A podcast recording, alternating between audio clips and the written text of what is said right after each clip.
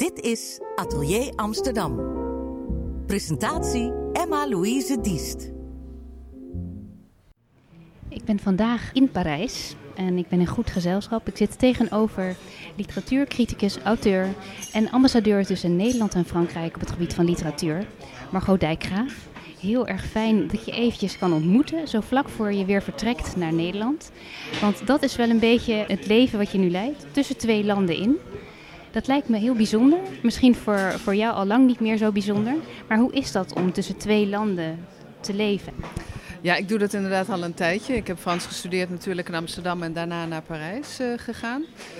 Dus mijn hele leven beweegt zich eigenlijk tussen Frankrijk en Nederland. Ik weet eigenlijk inderdaad niet beter. Ik vind het eigenlijk alleen maar verrijkend. Uh, als je in Nederland bent, dan uh, kijk je toch weer met andere ogen naar Frankrijk dan dat je permanent in Frankrijk bent. En als je in Frankrijk bent, kijk je heel anders naar Nederland.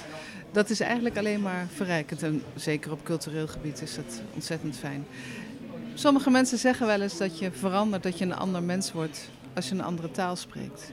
En in zekere zin kan ik dat wel uh, navoelen. Dat is wel zo. Je spreekt een andere taal en gaat dus wellicht ook wel anders kijken naar beide landen. En dat misschien samenbrengen. En dat is misschien ook wel wat je doet. Je brengt twee culturen samen. In hoeverre heeft dat jouw beeld veranderd van beide landen? Ja, je kijkt um, Kijk, als je meerdere dingen ziet, meerdere mensen spreekt en meerdere kranten leest en meerdere talen spreekt, dan verruimt dat je wereldbeeld op de een of andere manier. Het is volgens mij alleen maar toe te juichen om af en toe eens uit je eigen biotoop weg te gaan en eens naar een andere biotoop uh, te gaan. Als ik hier in Parijs ben, dan spreek ik mensen die in de literatuur zitten of journalist zijn of die festivaldirecteuren zijn. Zoals gisteren bijvoorbeeld. Ik ben nu bezig met een boek over um, Franse rebelse schrijfsters. Het boek moet in het voorjaar uitkomen. En dan kan ik wel in mijn Amsterdamse werkkamer gaan zitten bedenken wie nou die rebelse schrijvers zijn, vrouwen in de geschiedenis. En daar kan ik een heel rijtje van maken. En daar ben ik ook wel mee bezig geweest natuurlijk.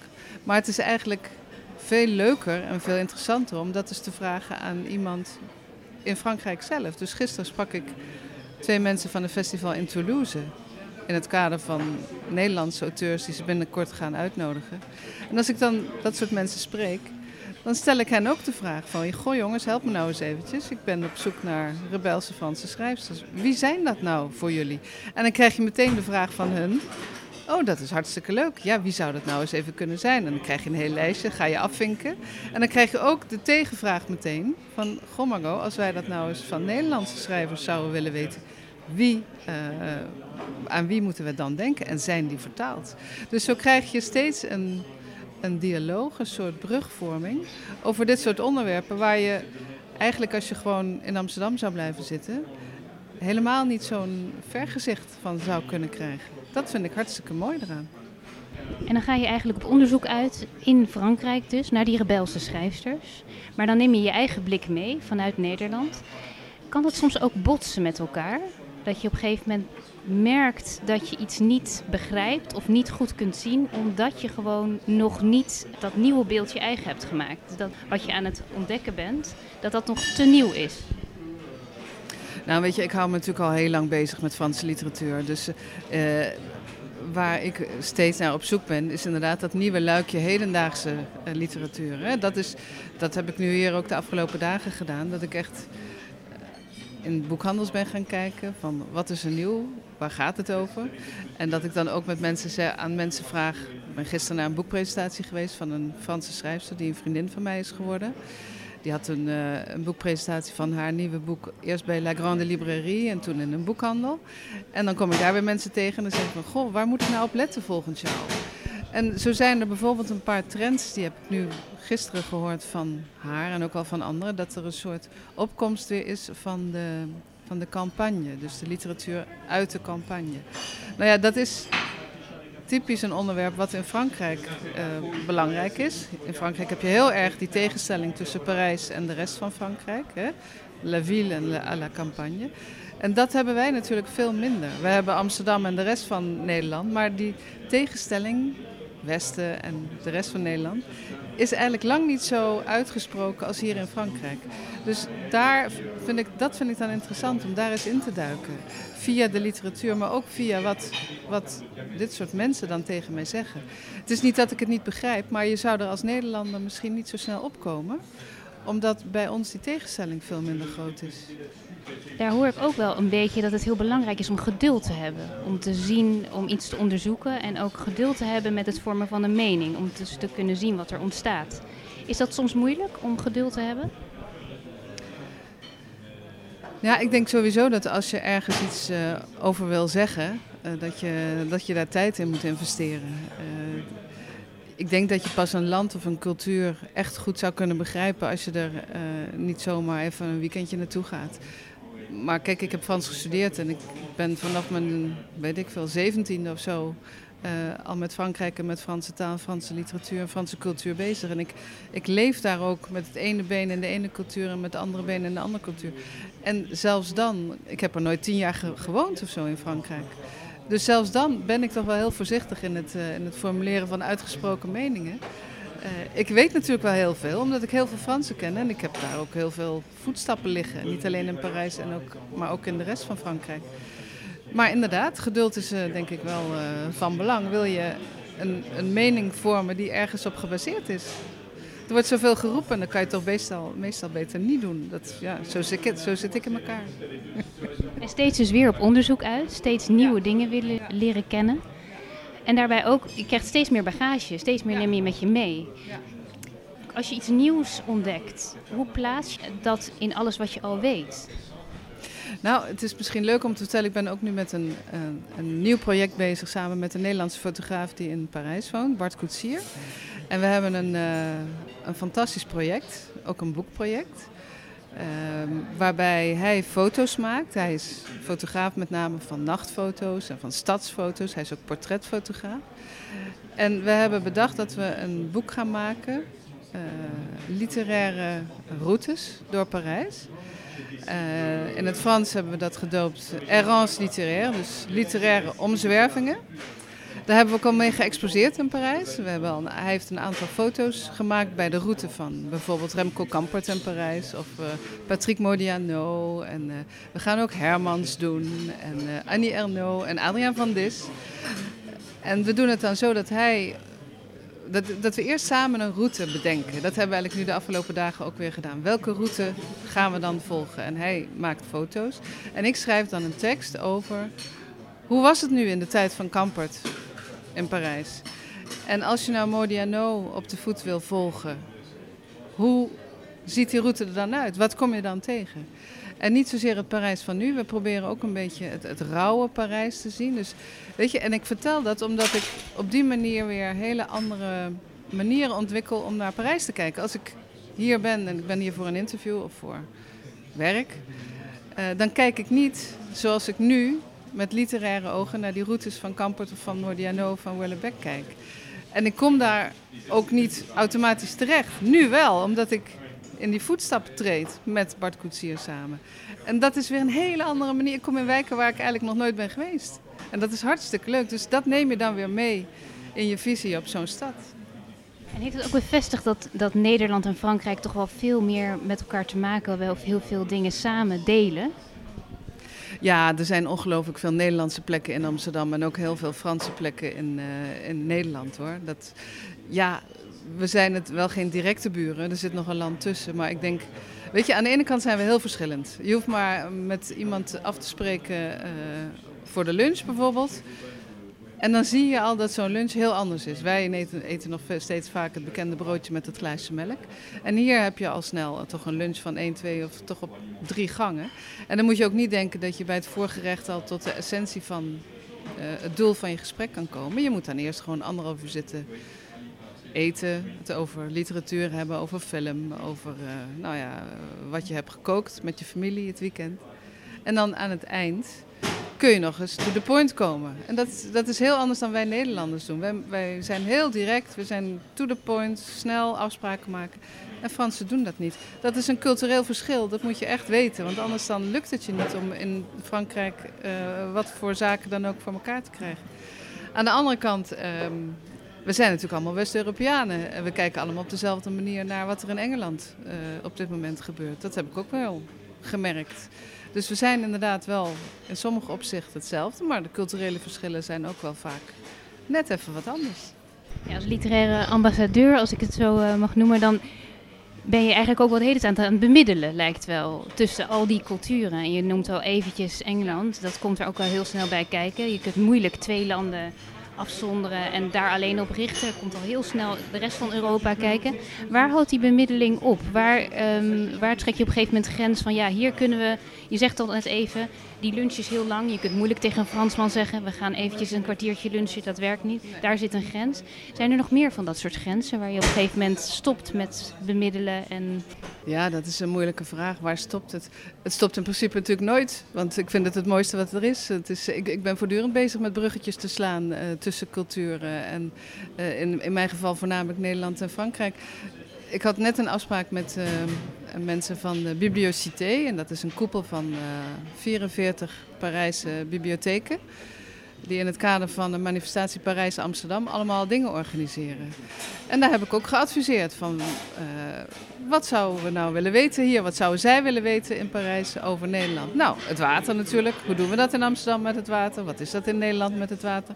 Maar ook uh, hoe staat het met de Franse thriller en hoe staat het met de Nederlandse thriller? Dus in het eerste geval um, hebben we dan Maarten Ascher benaderd bijvoorbeeld. Uh, die heeft een boek geschreven over H2O, H2O Holland, een paar jaar geleden. Die komt daarover vertellen, samen met een, uh, een jonge Française die daarop gepromoveerd is. En op het gebied van de thriller hebben we dan René Appel uitgenodigd, die een mooi boek heeft samengesteld, Amsterdam Noir. Met zijn evenknie een Franse uitgever die hetzelfde doet voor Franse thrillers.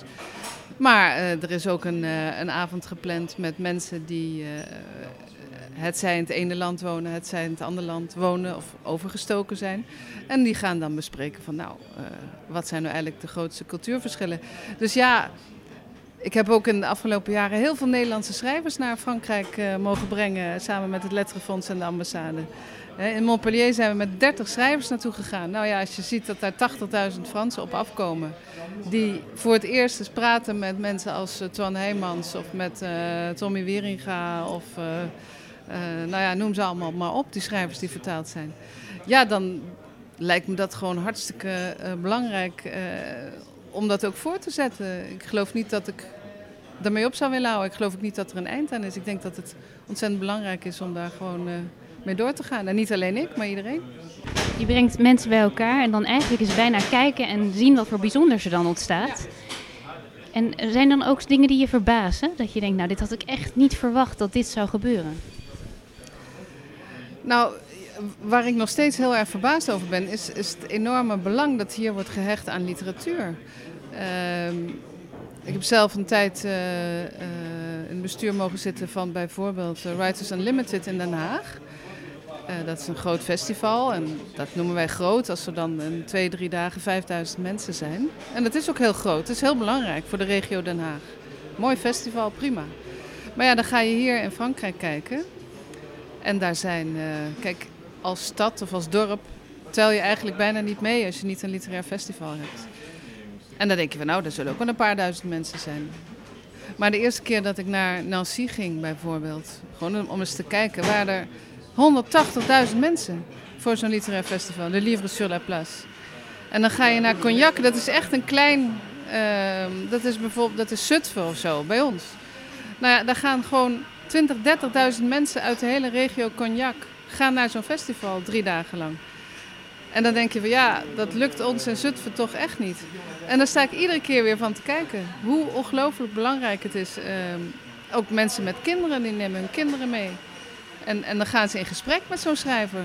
Uh, die schrijvers die moeten daar ook niet, zoals bij ons soms naar zo'n festival, dan gaan ze signeren naar een optreden en dan zitten ze er tien minuten aan een tafeltje, dan komt er niet meer en dan gaan ze weg. Gaan ze wat drinken en gelijk hebben ze. Maar hier uh, word je toch als schrijver geacht om toch twee, drie, vier uur achter zo'n tafel te blijven zitten. En dan gaan mensen ook vragen van, goh, uh, Nederland, waar ligt dat eigenlijk? Ik heb er nog nooit van gehoord. Wat voor taal spreek je? Uh, waar gaat je boek over? Oh, gaat het over zee? Nou, ik hou niet van zee. Dan gaan ze naar de volgende. Weet je, het, is, het blijft je verbazen hoe, hoe belangrijk cultuur en literatuur hier is. Enorm gevoel van urgentie dus. En daar kunnen we misschien in Nederland wel een beetje wat van leren. Zijn er ook dingen die uh, de Fransen wel van Nederland kunnen leren? Ja, ik denk dat het een, een wisselwerking is. Uh, uh, wat kunnen de Fransen van ons leren? Nou ja, wij zijn natuurlijk veel pragmatischer ingesteld. Hè?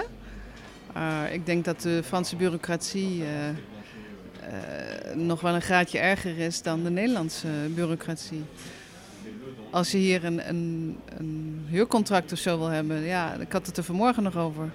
Ik weet niet of jij daar ervaring mee hebt, maar dan moet je dus wel 80 formulieren invullen. En als ik hier een interview doe, uh, dan ben ik wel ongeveer pak een beet gemiddeld drie à vier uur bezig om de juiste formulieren in te vullen. En dan nog eens een keer heen en weer te sturen. Ik bedoel, in Nederland stuur je een factuur en dan wordt het gewoon betaald. En ook nog wel vaak binnen een redelijk afzien, afzienbare termijn. Uh, en in Frankrijk moet je daar toch eerst een enorme uh, dosis tijd en moeite insteken. Wil je A, je factuur zodanig hebben opgesteld dat het in het administratieve systeem past. En ten tweede om betaald te worden. Nou, het is me wel voorgekomen dat het gebeurt dat het gewoon langer dan een jaar duurt. Misschien is het juist wel die tijd die ervoor zorgt dat er natuurlijk ook een hele hoop romantiek bij komt kijken. En wat meer tijd is om ook de literatuur een kans te geven. Dan niet met het invullen van, eh, van formulieren, maar wel eh, misschien in het, aan de aanpak van bepaalde dingen. Dat natuurlijk alles wat misschien wat langer duurt en misschien daardoor wat ruimte is om na te denken. Als je nu kijkt naar de dingen die je aan het doen bent, de, de projecten die je omarmt, waar verheug je je het meeste op? Um, nou ja, er zijn kijk, die boeken waar ik mee bezig ben, dat vind ik fantastisch. Uh, het, het, het, lopen van die routes van de andere schrijvers samen met de fotograaf Bart Koetsier, dat, dat, vind ik ook een genot. Omdat ik daardoor weer hele andere nieuwe dingen leer. Uh, maar bijvoorbeeld het festival in Cognac en het festival in Saint-Nazaire, waar we met, met een aantal Nederlandse schrijvers ook naartoe gaan. Uh, kijk, Saint-Nazaire ben ik nog nooit geweest. Dat schijnt een fantastisch festival te zijn met een onderzeeër en een groot uh, marine, marineterrein. Nou ja, dat lijkt me spectaculair om daar eens uh, rond te gaan kijken.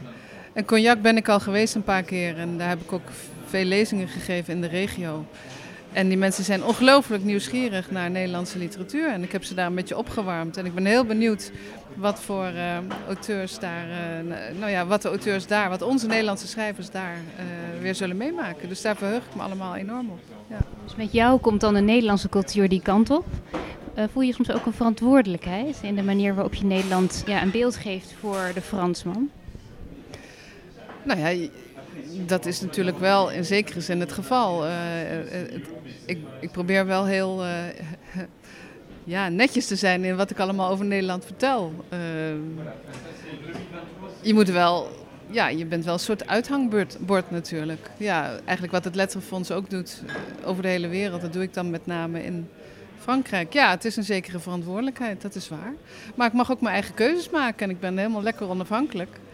En uh, ik ben niet een van staatswegen ingehuurd persoon om, uh, om alleen maar mooi weer te spelen. Dus als ik kritisch ben, dan kan ik ook rustig kritisch zijn. Ik kan mijn eigen keuzes ook maken in, in welke schrijvers ik dan aanbeveel en welke ik misschien wat minder aanbeveel. Straks stap je de trein in en zit je even tussen twee landen in, letterlijk. Wat ga je dan doen in die tijd?